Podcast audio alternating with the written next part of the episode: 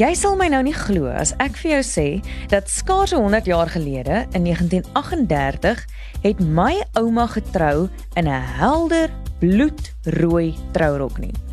En sy was een van 42 paartjies wat tydens die hoeksteenlegging van die Voortrekker Monument ter herdenking aan die Groot Trek in 1838, 100 jaar voor dit, in helder kleurige rokke getrou het. So, waarom trou mense deesdae in wit rokke? Hoekom is hulle so wit mal wat die rokke betref? Kom ons vind uit. Hoe nou? Met Suan Miller Maree en Gerard van Huisteen. Hoe nou word moontlik gemaak deur afrikaans.com. Jou tuiste vir alles oor Afrikaans. So aan.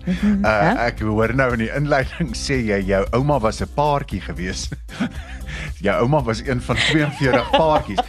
Ek hoop nie dit sê iets sê oor haar omvang nie. Ja, sy het nie soos 'n draak in die mitologie twee koppe gehad nie. Sy het daarom met my oupa getrou en hulle was dan nou saam 'n paartjie gewees. Ek kan ek jou net sê, raai wie was die troubeplanner van daai reuse seremonie? Hendrik Verwoerd. Nee.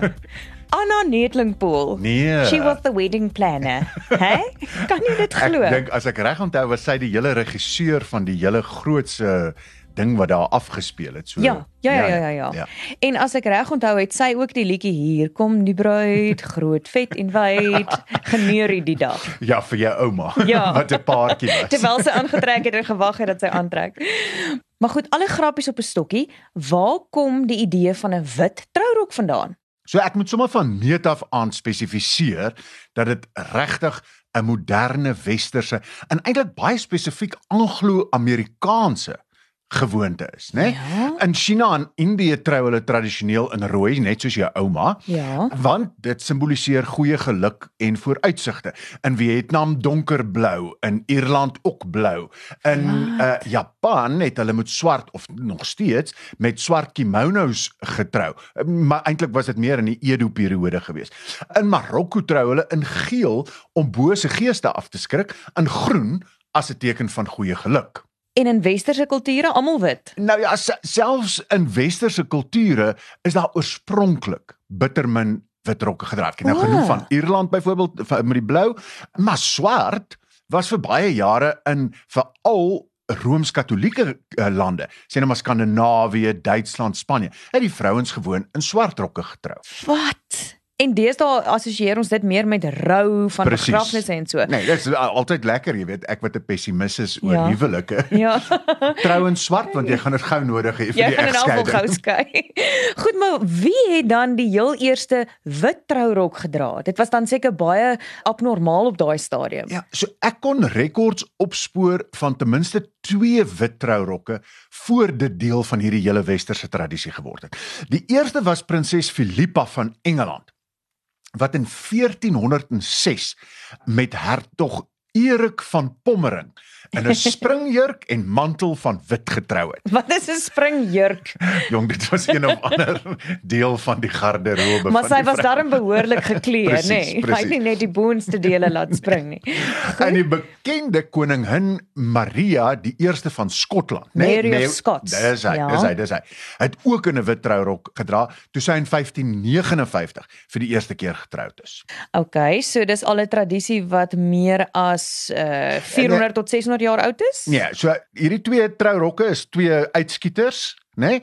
Daar moes nog eers heelwat ander goeters gebeur voordat die wit trourok 'n tradisie sou word. Ooh, nou ja, toe net na die breek kom ons uiteindelik uit by die groot vet wit bruid. of eerder met die bruid wat in wit getrou het uiteindelik so bly ingeskakel.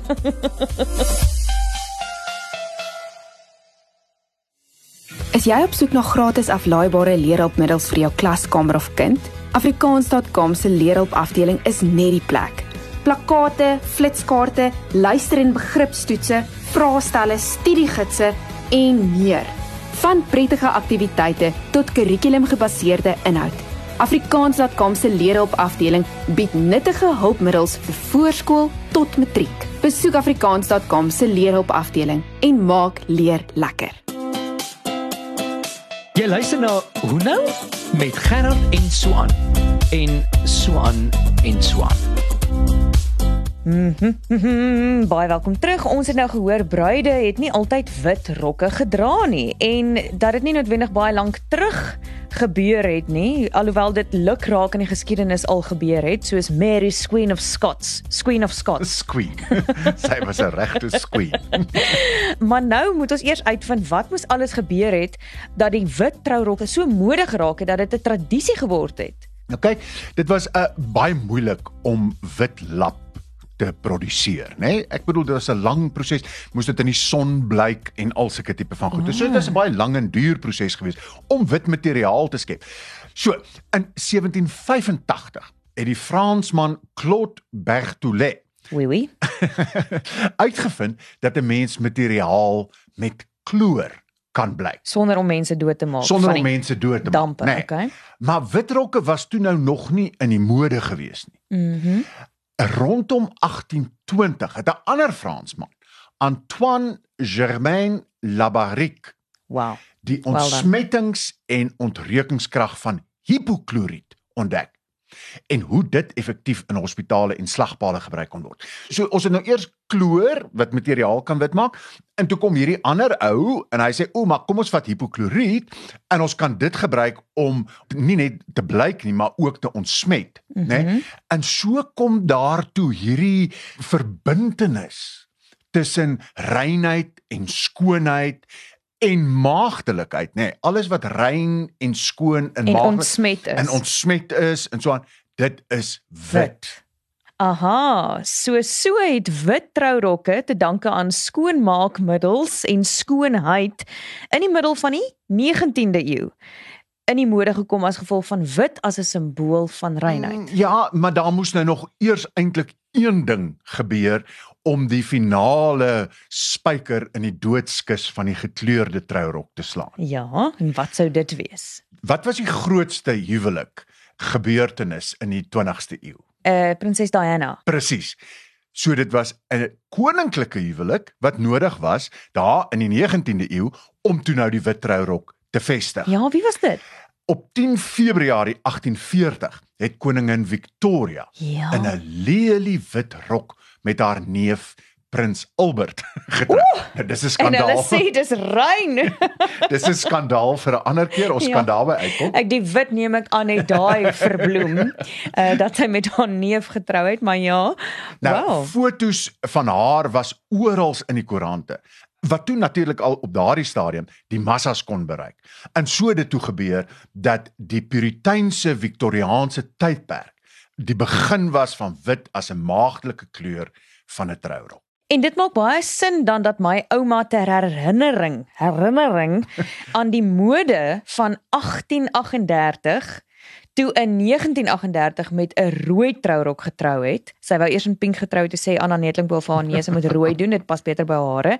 Want in 1838 was gekleurde trourokke nog mode en daarna het dit nou begin mode raak, veral met die koningin Victoria se troue om wit trourokke te dra. En omdat jy gesê het wit is dit tyd vir luisteraars terugvoer. Ons nou so met troues doenig is, Salome skryf uit Brits na aanleiding van verlede week se program oor waar Shiraz vandaan kom en sy wil weet of die woord huildronk iets met dronk te maak het. Gerard? Ja, dis 'n baie oulike vraag. Ek is so aan wat myns insiens 'n hele episode werd is. Ek het vir volgende week klaar iets voorberei oor die Malva in Malva pudding en in Malva lekkers. Mm -hmm. Uh maar Salome, oor 2 weke, beloof ek jou, gee ons aandag aan heildronke. Nou ja, net soos wat die malva pudding nie noodwendig by elke troue voorkom nie, alhoewel meeste in Suid-Afrika wil ek net vir al die aspirant bruide ook daar buite sê jy hoef nie noodwendig in 'n wit trourok te trou as jy nie wil nie. Ek dink jy kan gerus die tradisie breek soos jou voor voor voorouers tydens die groot trek. Dis alwaarvoor ons tyd het vandag. Gaan maak bietjie 'n draai by afrikaans.com se webtuiste. Nie net kan jy daar luister na van ons vorige episodes nie, maar jy kan ook bietjie op hulle webtuiste skakel met Afrikaanssprekendes van reg oor die wêreld. Veral in hierdie tyd van grendelstaat of onsekerheid in die wêreld, is dit heerlik om dit te doen. Hulle het heerlike inhoud daar. Afrikaans.com. Tot volgende keer. Doodles. Hoe nou is saamgestel en aangebied deur Suan Miller Maree en Gerard van Huisteen en word moontlik gemaak met die tegniese ondersteuning van Marula Media en die finansiële ondersteuning van afrikaans.com. Jou tuiste vir alles oor Afrikaans.